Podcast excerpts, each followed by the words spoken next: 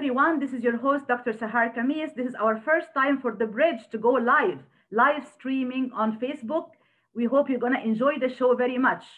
So, today we're talking about a very important topic the Biden era, a new dawn of hope for American Muslims and Arab Americans. That's the question we're going to be asking and talking about this morning with two distinguished guests. Dr. Abdelmajid Katranji is a political analyst and expert on Islam, the Middle East, and Muslim American politics. He is a board member of Emgage Action USA and also the Syrian American Council. And my second guest, Mr. Bakr Muhyiddin, is the policy program manager at MPAC, Muslim Public Affairs Council. He has a master's of public policy with a focus on lobbying in Washington, D.C.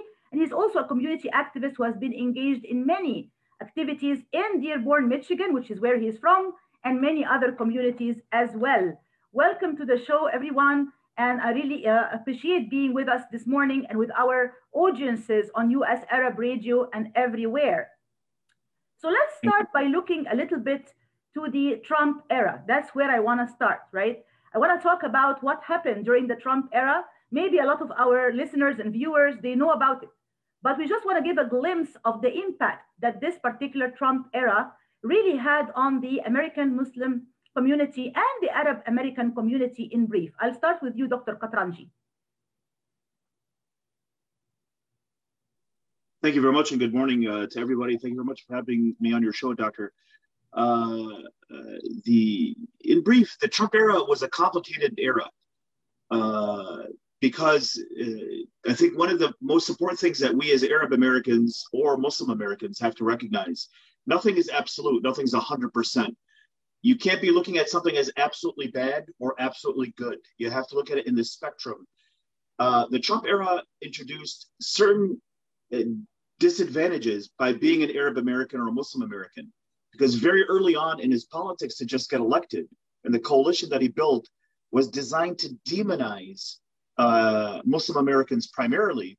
And that led to the Muslim ban, and which then subsequently led to the demonization of even Arab Americans because the countries by which the bans occurred, supposedly for terrorism, actually ended up victimizing not just only Muslim Americans, but also Christian Americans of Arab descent.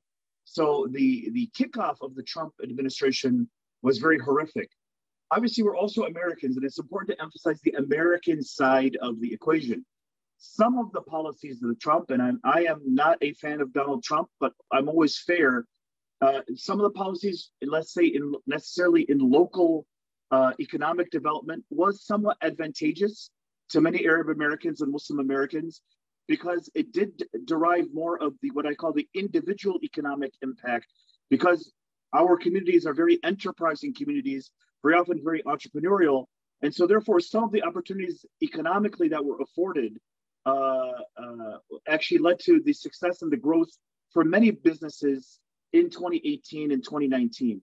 Obviously, 2020 is a reset for everybody across the globe because of COVID. Uh, but the election reintroduced the very same demonization policies to get that coalition of intolerance that successfully led Donald Trump to come in in 2016. Again, remember, it's not just simply intolerance that led him to get elected. People who are Republican that voted for Trump were also Republicans that have a particular vision, and Trump happened to be their choice, uh, not necessarily their favorite choice or their first choice. So I, again, I don't like to go into any extreme of any position, uh, but there is no question that overall, for for some of the issues socially and politically, uh, and on a global level, uh, it did impact adversely, largely the Arab American and the Muslim American communities.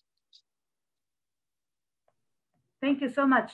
This really brings me to another very important point, an interrelated point, which is how far can we think of these two communities the Arab American slash Muslim American community as interchangeable, and also in terms of the impact which these Trump policies has had on them. Mr. Bakr, would you like to take this one? sure. Thanks a lot, Dr. Sahar. Good morning, and thanks a lot for hosting us. Uh, so, so starting with the interchangeability of American and, and Arab Muslims, uh, I think that's a very common uh, mistake that's that's always done. Uh, if, if, we're looking at the trends inside this country over here, I believe the majority of, of Arab are Christians. uh, and the, the, the largest proportion of, of, of Muslim Americans are African Americans. Furthermore, Arabs started coming here. I want to say, uh, well, at least to, to Detroit, Michigan, with, with the auto boom to work in the assembly line in the very late uh, 1800s, 1900s, and then we had the immigration patterns that come here while Islam came to the United States uh, with the settlers, and then with with with the African Americans. Black History Month right now, they say about 20 or 30 percent of African Americans that came uh, on on on uh, from the enslaved populations were were were, were Muslims. So it's it's it's a it, and even the issues when when you look at politically speaking, um, Muslim Americans tend to lead more progressive than Arab Americans and and uh, Arab, and Arab Americans, their, their their political views tend to be very similar between Christians and Arabs and and and uh, I'm sorry, Christians and Muslims. So it's it's a very common mistake that's done, uh, uh, and and and it does lead to to to misrepresentations for both communities. So it's it's it's very important that that they're both. Uh, uh, separated when when when dealing with with their issues and with with what their opinions may be. Absolutely, and although there is definitely, of course, an overlap because you do have, you know, Arab, obviously Arabs who are Muslims, but it's also important to understand some of these distinctions, right? Some of these nuances and some of these distinctions. As I tell my students always at the University of Maryland, not every Arab is a Muslim and not every Muslim is an Arab. So it's important to also understand some of these differences and some of these distinctions, beside, of course, the similarities and the overlaps between these two communities. That's a very important point. I'll go back again to you, Dr. Katranji, with a question about the impact of this Trump era.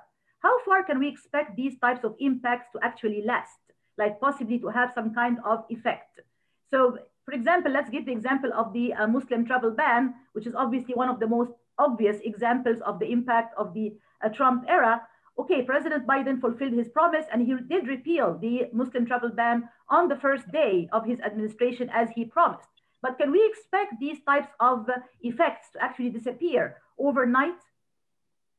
No, I think that's uh, very important, and uh, uh, and I think uh, Bakr uh, brings up a, fantastic point, even highlighting that we have this mistake of somehow that uh, the Arab American community in the United States or the Muslim American community in the United States is a de novo phenomenon. that they just kind of showed up, especially in the post 9 11 era. Uh, these communities are old communities by American standards, uh, and, and obviously by global standards, these are ancient communities. Uh, so we, we have to understand that as Muslims and as Arabs, uh, we, we, we have to remain engaged in the society that we're in. We've been impacted, I think, by some of the immigration waves. And as it tends to be for immigration community, immigrant communities, their priorities are a little bit different what I mean by immigrant communities is that first generation, that first wave that comes in. So the mature communities uh, uh, uh, the Arab American community and the Muslim American community, largely, for instance, the African American Muslim community, you're going to see uh, uh, you're going to see a lot of maturity in how they engage in their politics, in their understanding, because they know that politics is the art of compromise, right? As Winston Churchill says, uh, diplomacy or or politics is the art of the possible. Uh, and I think that as long as we stay engaged with both Democrats and Republicans across the spectrum that Bakr described, we're always going to see rises or pulses of, of some of the fearful policies that we saw even post 9-11 with the Patriot Act uh, and uh, and some of the things that we experience when we're in a in a queue uh, uh, uh to get on the airplane uh, through you know TSA checks because I'm, I'm, sure everybody on this phone call has been very successfully randomly selected almost every time that they've tried to get on a plane, much like sometimes being that uh, this black man looked like somebody that was on the on the news report or on the police bulletin of unidentified black male. I mean, these are the common. These are things we're going to have to fight all the time. At the same time, though, if we stay politically engaged, figures and policies and, and cultural items start becoming part of the American fabric. Look, everybody in the United States knows what tabbouleh is. And that didn't happen overnight. Everybody knows, uh, everybody in the United States talks about falafel. And now you watch a TV show like Chopped that tar- talks about how uh, hummus can be done in different ways.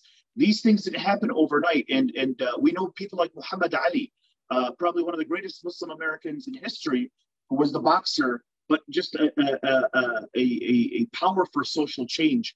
So these forces, as long as we nurture them through organizations such as MPAC or through Emgage and, and the dozens of other organizations that are out there, will continue to evolve the, the, the integration and the interplay of the Muslim American community and the Arab American community uh, in the fabric of this country.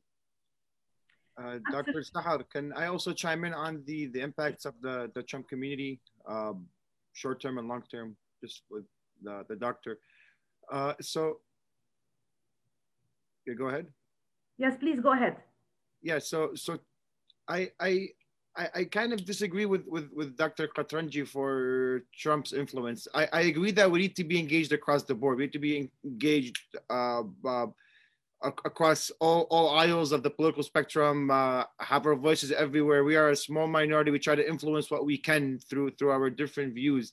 But what I disagree with is that Trump, th- there's good and bad everywhere, and, and nothing is is black, black black and white. But Trump's campaign wasn't uh, campaign 2016 and his policies up until 2020, and then his his campaign again was 20 was was just full of divisiveness and hate we, we were painted as the others, us and many other communities, and he normalized hate in this country. Uh, I, I, I used to live in the South about a decade ago, and I used to pull over to the side of the highway and, and, and pray whenever I'm, I'm driving down the road. Now I wonder if I would do that anymore. if I'm in Alabama or in Louisiana, where I, where I used to live, I would think definitely think twice about it.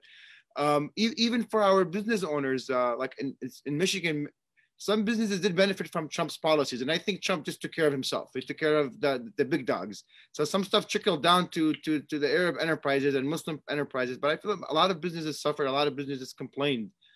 Uh, so I, I, I feel like his his policies did not help our communities, and furthermore, his his his uh, effect on the American uh, American fiber will be felt for generations to come, where where he, he normalized hate, normalized uh, if you're from Africa or from the Middle East, from other countries that are not white, than you are from those, excuse my language, from those crap hole countries, as, as as he was caught saying.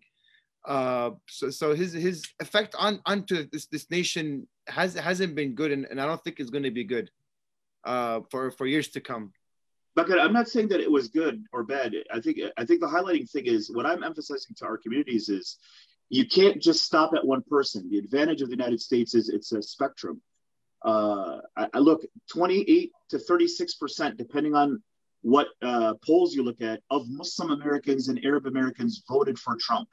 So the fact of the matter is, nearly a third of the community in both categories voted for Donald Trump. Uh, so it, it, what I tell you is, what I if you want me to talk about Donald Trump personally and his policy and politics, I think it's his big mouth and his racism that got him not, uh, uh, didn't get him reelected. But the, the, the, challenge for people and what we cannot ignore is 76, 71 million people did vote for this person. And you can't say 71 million people are hateful or spiteful. And at the other side of the spectrum, the 80 million that voted for Biden aren't necessarily people who are going to be pro the Muslim American or the Arab American communities. So we would be naive to think that everything is kind of an absolute bubble when it comes to American politics. Mm-hmm. I think Trump, the advantages, he did actually expose the fact that there is institutional racism and institutional bias, whether led by a Democrat or led by uh, a Republican. Uh, the, you know, Guantanamo Bay uh, uh was built by Republicans. But those cages that those immigrants were put in was built by a Democrat, President Obama. Uh, uh, Trump uh, capitalized on the hatred uh, and, and, and, and portraying Muslims as others. But Obama was very successful in killing thousands of innocents by drone strikes for supposedly terrorist targets. So we cannot be just, uh, again, this again isn't to say Obama's evil or Trump's evil, but we as our community advocating for Muslim Americans or advocating for Arab Americans need to be as engaged and, and, and with any and all parties, and at the same time aware of both what advantages we have when we engage one group and what disadvantages we have when we engage those same groups. Absolutely. This is all this is all very excellent points. Thank you so much to both of you for really unpacking these complexities, right? And we'll come back to this very interesting discussion right after this commercial break. Stay tuned, please.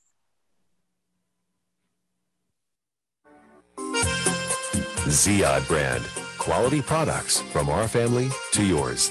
Ziyad Brothers Importing offers the finest quality products, including brands like Sultan, Kraft, Nestle, Hook, Rico Picon, Donna, and many more. Ask your retailer to carry these fine products because you deserve the very best. For more information, visit our website at www.ziyad.com. That's www.ziyad.com. Ziyad, quality products from our family to yours. Are your hands feeling numb? Do you feel pain opening up a jar, turning a key? Are you noticing that your elbow and your shoulder are becoming stiff? Or were you recently injured in your arm? Hello, I'm Dr. Almajid Katranji, and at the Katranji Hand Center, which just recently opened down the street from the Somerset Mall, we can provide you with the latest in hand, wrist, elbow, and shoulder care. Visit us at www.katranjihandcenter.com to learn the latest techniques that we have to offer you, and I look forward to taking care of you. Visit us in Troy at 1565 West Big Beaver Road, Building F, or call Katranji Hand Center for an appointment at 248 869 4263. That's 248 869 4263. Kashat's Mediterranean Market and Shish Kebab offers a great array of your favorite Mediterranean meals. Meals range from lamb specialties, shawarma sandwiches, seafood dinners, and they offer special big trays of your favorite food, plus much more. Kashat's Mediterranean Market and Shish Kebab address is 32839 Northwestern Highway in Farmington Hills. Their phone number is 248 538 9552. That number again is 248 538 9552, and the supermarket is open from 8 a.m. to 9 p.m. Kashat's Mediterranean Market and Shish Kebab will definitely leave you satisfied.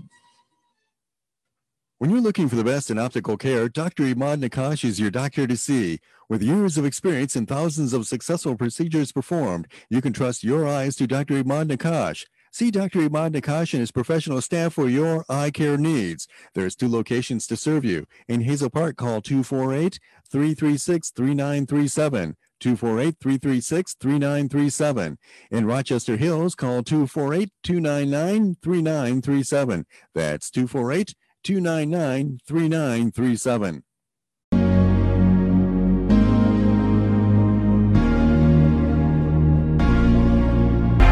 Back to the show, everyone. We are happy to have you with us today in the first live streaming on the bridge on Facebook, as well, of course, on US Arab Radio as usual. We are talking today about the Biden era, a new dawn of hope for American Muslims and for Arab Americans. And with me this morning discussing this important topic are Dr. Abdelmajid Katranji, a political analyst, and Mr. Bakr Muhyiddin from MPAC, the Muslim Public Affairs Council. So, uh, Mr. Bakr, let me come to you with this question so we can end with the, the Trump era and move to the Biden era, which is really the topic of our discussion this morning. What lessons could be learned from the Trump era for both the American Muslim for the American Muslim community and the Arab American community as well. What could be the lessons, the takeaways from the Trump era for both of these communities? I mean, the lessons that that we can learn is that first of all, our our voices are, are absolutely important. Our votes are very important. Uh, we are we are never voting, as Dr. Katranji pointed out earlier. We're never voting for for a prophet or, or for this great supreme leader for this country when, when, when we do give our votes because most of the time a lot of their policies do hurt us. And we end up choosing between which which policies are, are more devastating to us. However as 2016 showed and as 2020 showed states flipped by a 1% margin and even less. Um, and, and this has been seen in many other elections in 2020 in 2004, if, uh, if, if an extra half a percent of Ohio voted the other direction, Kerry would have won the whole election. Uh, strategically, Muslims and Arab Americans are about 1% of the country, give or take, in, in different areas. Uh, Arab American community in Dearborn could have flipped Wayne County, which would have flipped all of Michigan to Hillary Clinton's campaign, which would not have been enough at the time. But with enough states of our engagement, we decide who our future leader is for, for, for this nation as Arab Americans and as Muslim Americans. And once we know the power of our vote, that the power of this 1%, then the policymakers will start listening to us more. They'll start taking us m- much more serious. Uh, Donald Trump didn't win the popular vote in, in, in, in 2016. Uh, Hillary Clinton lost the election more than Donald Trump won. However, if she paid enough, paid more attention to us, a little bit more than she could have potentially been the White House for the past uh, four years instead of Donald Trump. So I think the main lesson is that our our voices do absolutely matter in this country. Absolutely, I cannot agree more. Our voices count, and we have to learn how to make them loud and clear and heard. These are very important and essential points. Thank you so much. Dr. Katranji, you are a member of Emgage Action USA and also the Syrian American Council. If you can give our listeners and viewers a brief idea about each one of these organizations and what kind of role they actually play, that would be great. Well, for the Syrian American Council, it just it's it advocates for the Syrian American community on interests uh, such as uh, TPS uh, for refugees here in the United States. Uh, it uh, it tries to create a Syrian American Economic Forum, like a Chamber of Commerce. Uh, it also is engaged in the humanitarian issues to help advance the rights of Syrians and Syrian refugees globally. and so it, has been very active with that. And has had great success in engaging uh, several uh, leaders and thought leaders uh, uh, that were involved in the administration, both during the Obama era and uh, with the Trump era, each one presenting its own challenges. Obviously, in the Obama era, you know, we had some great individuals on a low level, uh, like for instance through USAID, and I don't mean low level that they're low, but like in terms of administrative policy, USAID uh, and and the State Department uh, uh, and there was there are some gems that we discovered. For instance, there's a great American, uh, Syrian American. He's also part of Emgage.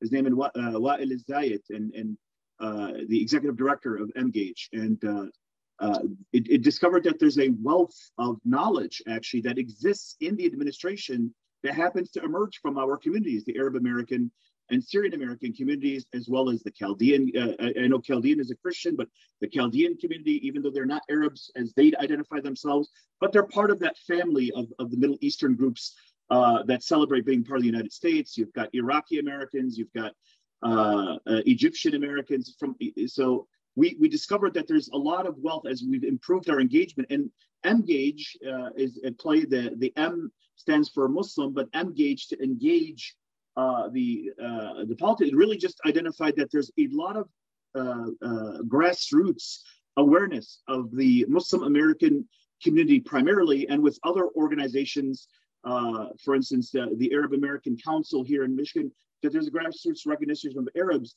These organizations now are engaging at that level because, believe it or not, all politics is local. We talk about national elections, but you know the Secretary of State, Kamala Harris, Senator of California, right? The the uh, whoever becomes the Secretary of State, whether it's John Kerry or Jake Sullivan, these are people that you have to get to know when they start their careers. And I think a, a great success, and MPAC has been a phenomenal partner with Emgage uh, uh, in that that grassroots engagement has opened doors that is an investment not from uh, today, but actually things that were in, uh, started in 2005 and 2006 so there's great hope in the Biden administration specifically, because for a lot of the grassroots efforts that Emgage was involved in, MPAC was involved in, and several other organizations, the people that we're seeing now in the administration were people we met when they first started their careers in 1999, 2000, 2001.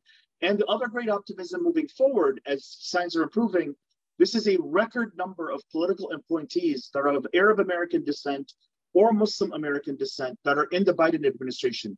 People also have to remember it's not just being Secretary of State or Secretary of the Interior and those high level positions that's important. There's a lot of appointees that are heads of councils, heads of committees, heads of white ribbon committees or White House executive advisory committees, or they become heads of departments under those Secretary of States.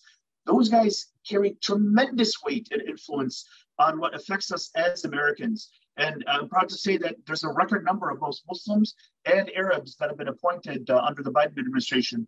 So, with these types of organizations, that's how we gather these resumes and advance these names forward to get appointed.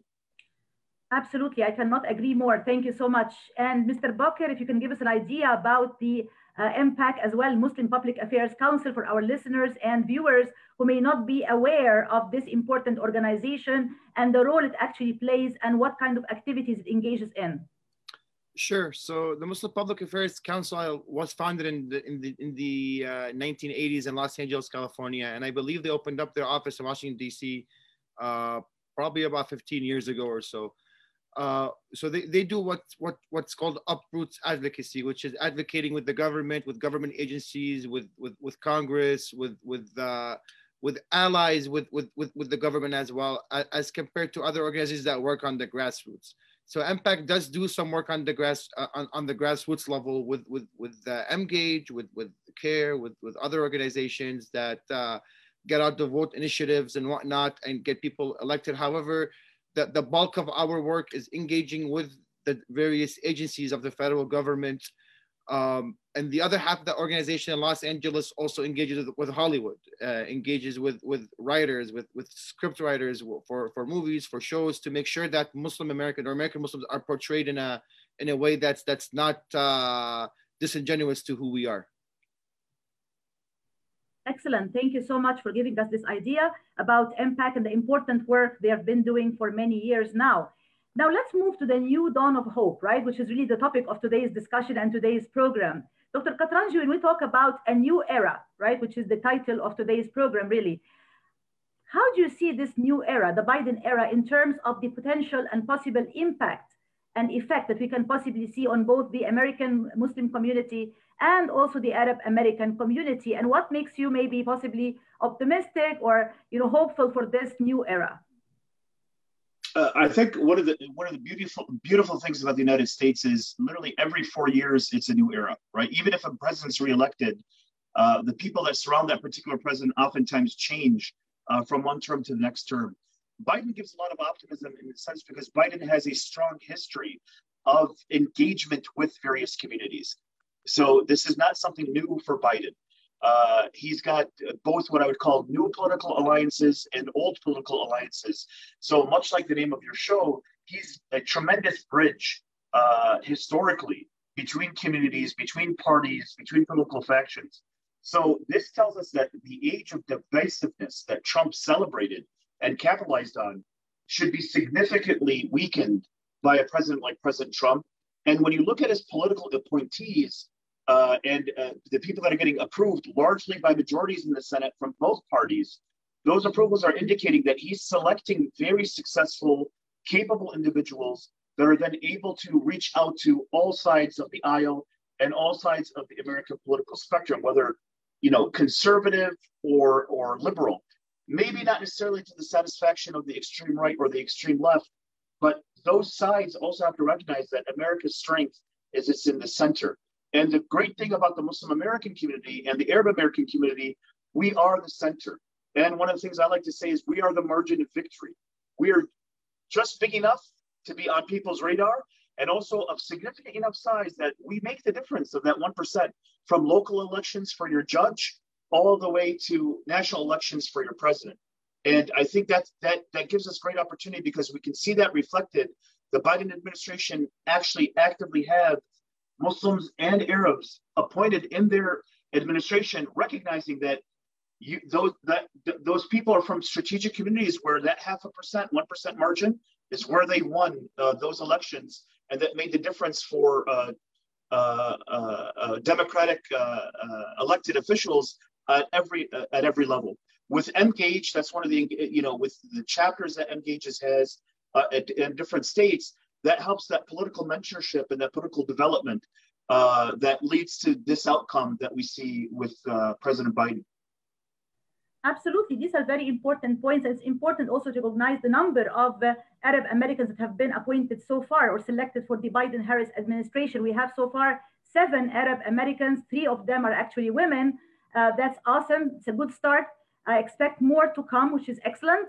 And we also have to realize that uh, 69% of the Arab American community actually gave their voices. They voted for uh, President Biden versus about 35% only who voted for uh, Donald Trump. So indeed, we should realize uh, and acknowledge our power and the power of our vote and the power of our voice and engagement. We'll come back to this very interesting discussion right after this commercial break. Stay tuned, please.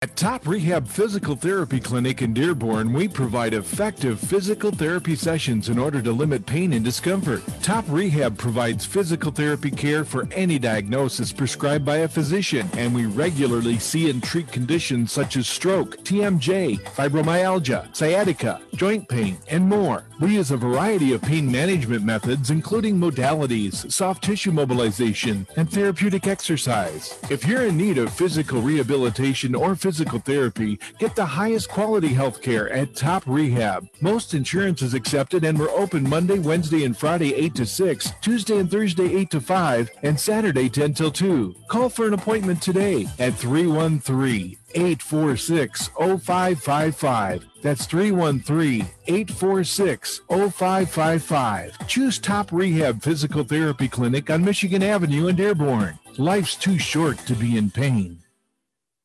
Enjoy the first Syrian style cuisine in Michigan. At Damas Cuisine and Catering, you'll find a wide selection of Syrian foods and sweets in our menu, like frike, hoisin, grape leaves with steak, mashawi platter, hot mahashi, char grilled kebab, shawarma, and much more. Get super fast delivery from Damas Cuisine and Catering right to your door. Order online at damascuisine.com forward slash menu and track your order live. Damas Cuisine and Catering, 28841 Orchard Lake Road in Farmington Hills. Call 248 987 4985.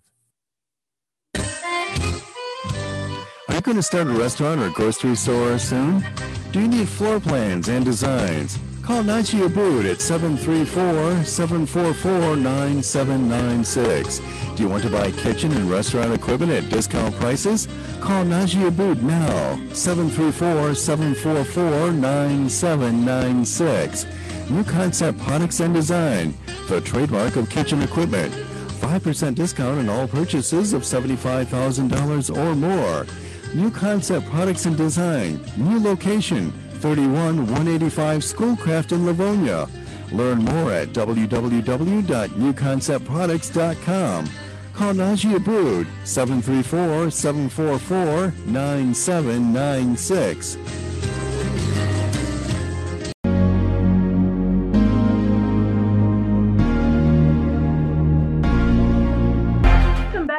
To the bridge.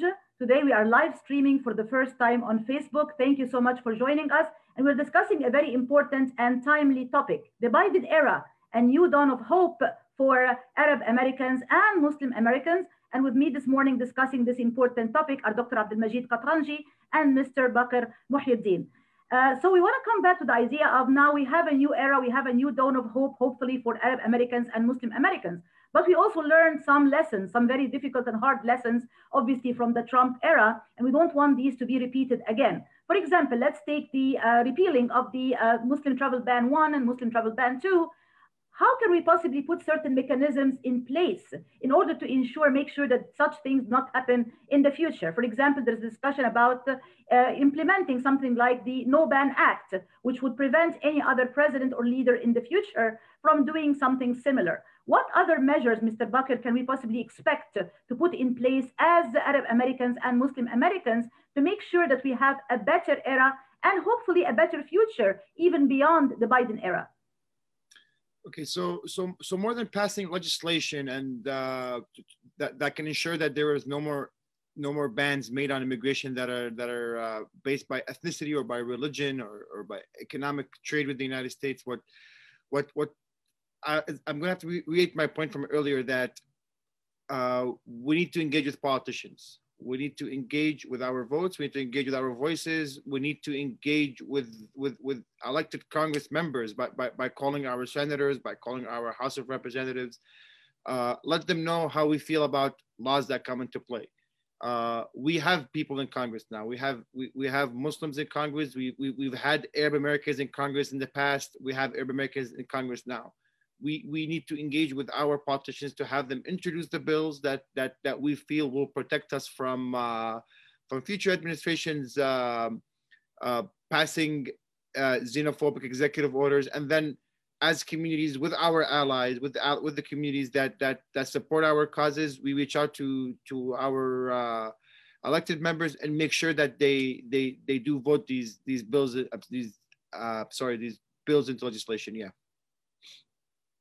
Thank you so much. These are very important points on the legislative part or the legal part. We also know, of course, that the communities themselves also have a big role to play. So I'm very interested as well in the aspect of community engagement and community activism at the grassroots level. What could the average, you know, Arab American or Muslim American do in order to really play his part or her part in this process? Dr. Katranji, if you want to weigh weigh in on this point you know, uh, it's it, you bring an excellent point on the grassroots level, and that, that's where I think the greatest amount of change has occurred. We went from what I would call an identity politics community to a much more uh, engaging uh, and involved grassroots community. Uh, we we evolved from uh, the photo opportunity where we're just happy that an elected official showed up to our door or at our masjid or at our church uh, and said, "Hey, look, I would like to get your vote."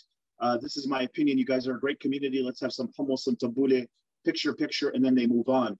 The reality is that's not policy, and that doesn't change anything. What we saw in the Biden uh, election uh, in 2020, the Arab American community, especially for instance in Michigan, overcame its historical, what I would say, uh, imported divisions, uh, and and really started focusing on being Arab American. And a lot of that had to do with the generational change. Uh, a lot of the, the leadership in many of these organizations are actually second and third generation Americans of Arab descent. The same thing we can see with organizations such as an MPAC or Emgage uh, on the Muslim care on the Muslim side of things. They're not carrying the burdens or the and, and lighting the torches of the the divisive politics that may have existed in Syria or in Lebanon or Egypt or Pakistan or Malaysia. Uh, and, and at the same time, they rediscovered each other here in the United States in the sense of the Arab American, you know, generation two, uh, second and third generationers meeting the fifth, sixth, seventh generationers uh, of the early uh, 1900s. So there was a much more unified voice. And it's really important then to recognize that you're American now here. The politics and the, and the debates that we could get involved in if we were in, let's say, you know, uh, Aleppo, Syria, or in uh, Hyderabad, Pakistan, uh, or in South Africa, don't exist here. You know, and and those fights aren't the fights to be won here. This isn't the forum for it. Uh, and I thought I think that that's how the Arab American community and the Muslim American community will continue to grow and prosper here politically. Uh, and then therefore seeing that social adaptation is because we are now really identifying ourselves as a distinct community, you know, with with great diversity within ourselves. But that's that's something to celebrate no longer that causes our organizations to falter, divide, and and uh, and oftentimes defeat each other during the election process.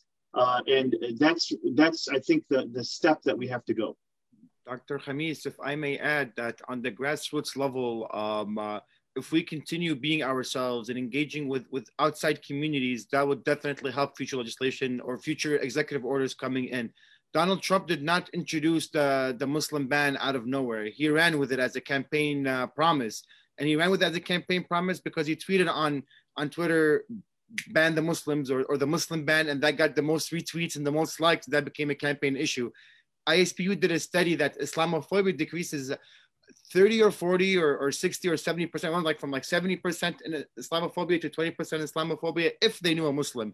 And whether you are a Muslim or you're or, or you're a Christian Arab, to, to the average American, you are a Muslim. Uh, Sikhs uh, faced Islamophobia after 9-11 and, and they're neither Arab nor Muslim nor from the Middle East.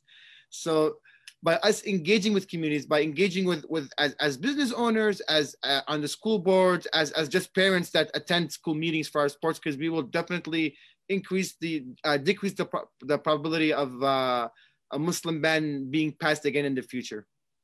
Absolutely, I cannot agree more. And one aspect I really want to ask you about, uh, Mr. Bakr, is the, the idea of youth engagement as well. I know that you worked a lot with youth communities in particular. Young people are a very important force, and actually, they are the future. When we talk about the future of the Arab American and the Muslim American community in the United States, we can never turn a blind eye to youth because they are the future of these communities in this country. So I want you to give us an idea about some of the activities. Uh, the uh, engagement, the grassroots work that really involves youth in this kind of change that we're expecting under the Biden administration and beyond?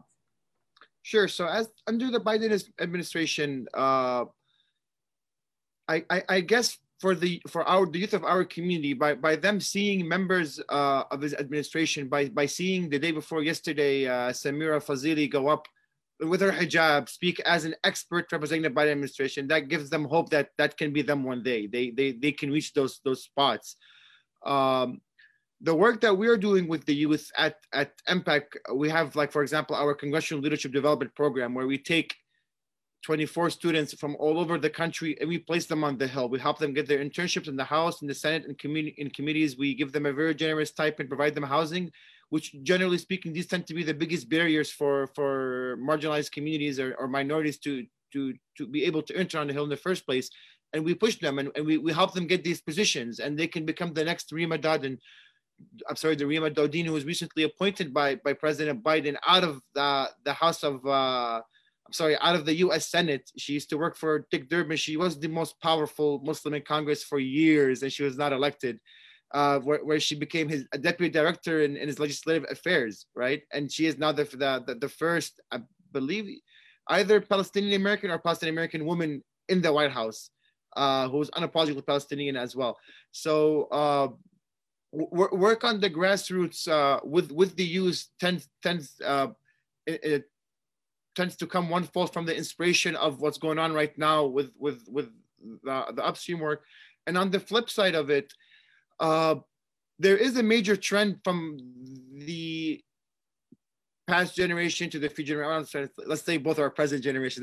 That's the wrong terminology, but from the older and the younger generations, is that the older generation, and I think it, it follows the immigration patterns when when you when your family migrated to the United States, but they tend to move away from foreign policy more to local issues. Um, I'm sorry, to to to uh, domestic issues. So youth tend to care more about healthcare, uh, Medicare for all. They tend to care more about student loans. They want to graduate college without having mortgages uh, as as a student loan for for each person of of of of, of uh, the, the husband and the spouse. They care about equality. They tend to care more about domestic issues and vote on domestic issues than generations that that, that come with the baggages and, and face the hardships back home of, of U.S. policies abroad that that tend to vote with a, a foreign policy lens more.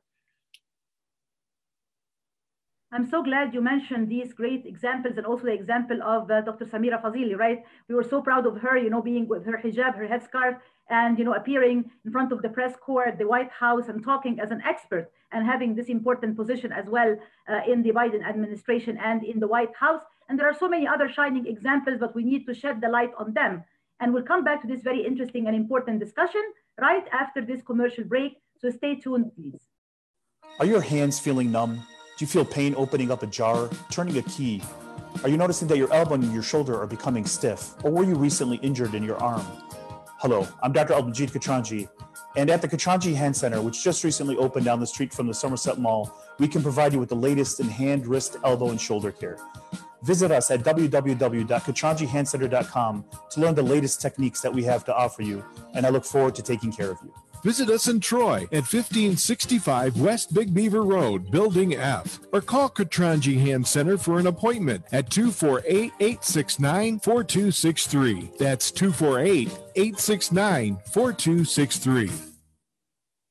Get ready for an amazing experience at Ishtar Restaurant on 15 Mile Road in Sterling Heights. Enjoy excellent hospitality from owners Ali Al Baghdadi and Fatty Bottom, serving the best in Mediterranean food. Try Chef Ali Al Baghdadi's famous shawarma, the best Iraqi grills and food, and the best Arabic and international dishes. Dine in our authentic atmosphere or take out. Call 586 698 2585 or check us out on Facebook. Ishtar Restaurant practices all CDC guidelines and is open every day 11 a.m. to 10 p.m. Have an amazing experience today at Ishtar Restaurant, 3625 15 Mile Road, Sterling Heights.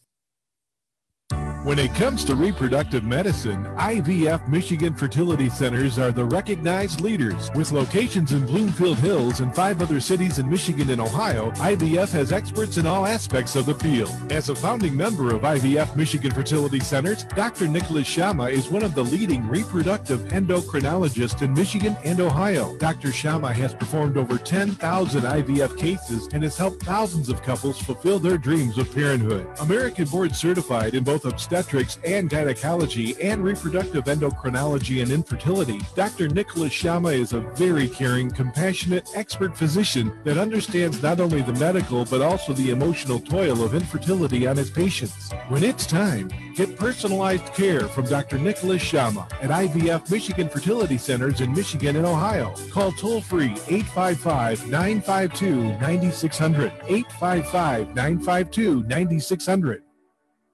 Life is a nonprofit charity that's provided humanitarian aid and development to people and communities for over 25 years, regardless of race, color, religion, or cultural background. When disaster occurs here or around the world, Life for Relief and Development rushes in to provide food, medical aid, and shelter to those in need. Please help improve these efforts. Make your tax deductible donation to Life now at lifeusa.org or call 248 424 7493.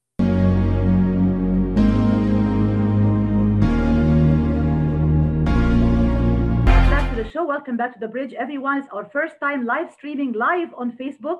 I hope you're enjoying it as much as we are. We're talking today about the Biden era, a new dawn of hope for Arab Americans and Muslim Americans. And with me this morning discussing this important topic are Dr. Abdul Majid Katranji and Mr. Bakr Muhyiddin.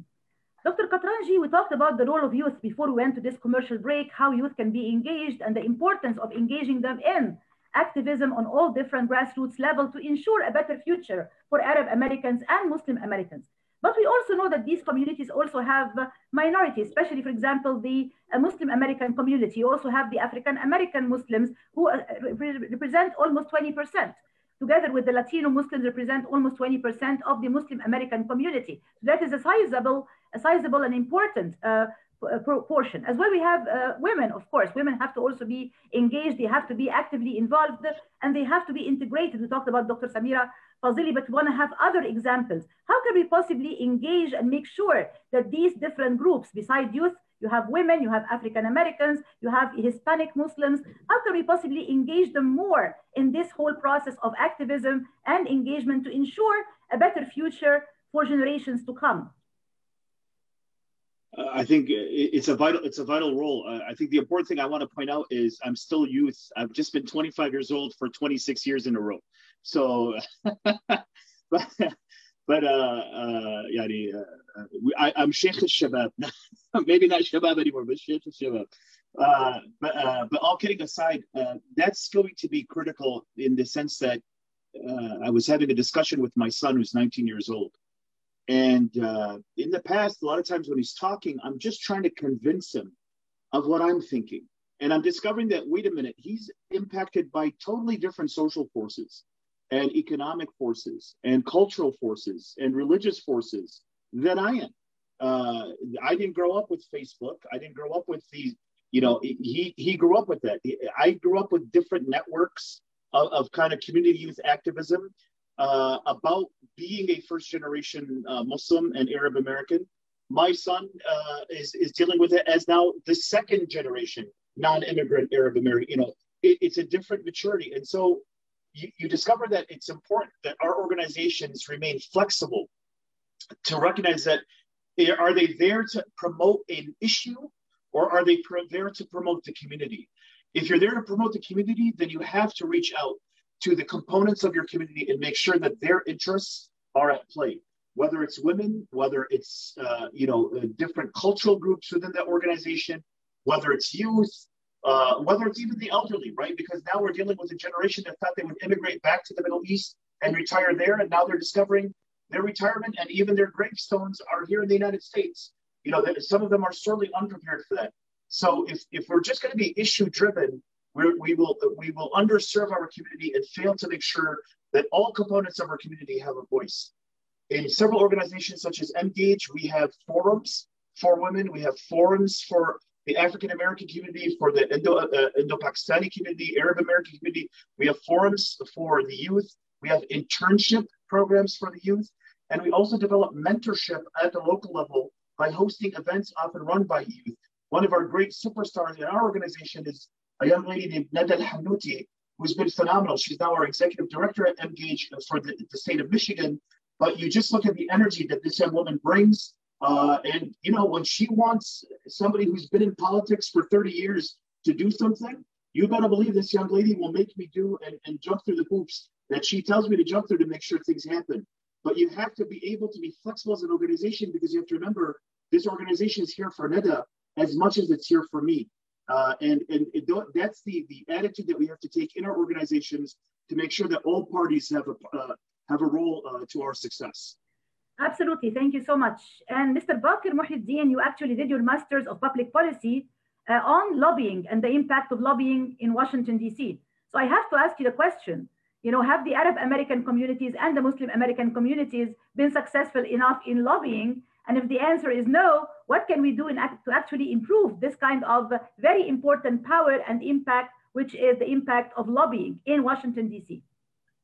So, Dr. Sahar, my my my study of lobbying in Washington D.C. was more foreign-based lobbying from the Middle East, and the Middle East spends millions and millions of dollars a year between the various countries, between the Gulf, between between Israel, between all, all the different factions fighting for for for influence in the United States. As Arab Americans, as um, uh, American Muslims as well as as these two communities that that live over here in America, all these millions of dollars are spent to influence the people that are in power.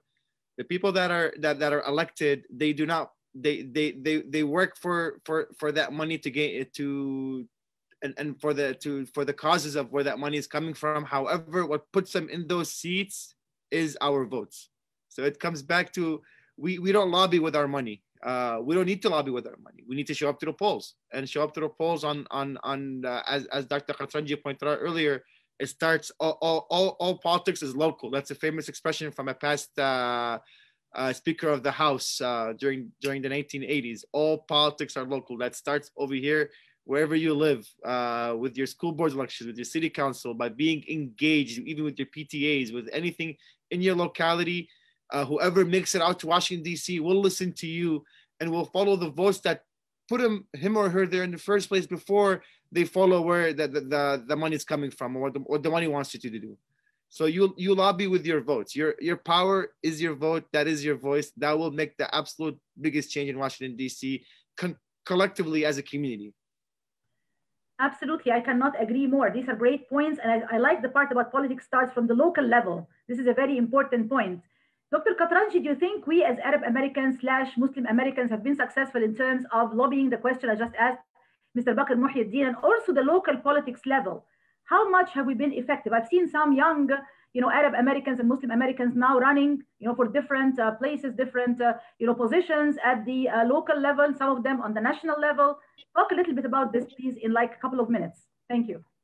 There, there's no question that the rise of elected officials that are Muslim American or Arab American uh, has exploded over the past 10 years. I mean, and and people again oftentimes mistake national elections as the only defining election. But you remember when you're in that ballot box, you're noticing that you know there's school boards, there are water boards, there's uh, county commissioners, there's mayors, there's city councils, and alhamdulillah, you can see across the spectrum that we have a just a rising tide of, of the of these leaders and and the beauty of this leader is it kind of exemplifies the example of what Bakr says you don't get elected just because the Muslims voted for you or the Arabs voted for you. Uh, Dearborn could be an exception because of the intense population there. But the fact of the matter is, you get elected because you're an American that means something and presents something of great value to all voters. And it's that type of engagement at the local level, at the school board.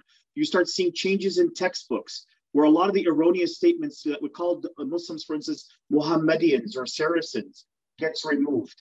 Uh, that the, the stories of, of Arab American, Arab contributions to science, like the word alcohol and al-jabra and uh, you know uh, uh, starts getting introduced that by the way there was math and science in the middle ages or the dark ages in europe but it was an area of enlightenment and renaissance in the middle east during that same time so all these components that you can see are uh, uh, are, are, are, signs of, of, the success of our engagement and i think we will continue to grow uh, to one day maybe see a president or a vice president that celebrates being an arab american or a muslim american hopefully that's indeed the hope. Thank you so much, Dr. Katranji. And Mr. Bakr, you get the last word here in just a couple of minutes because we're running out of time. Unfortunately, you know, good times always fly quickly, as they say.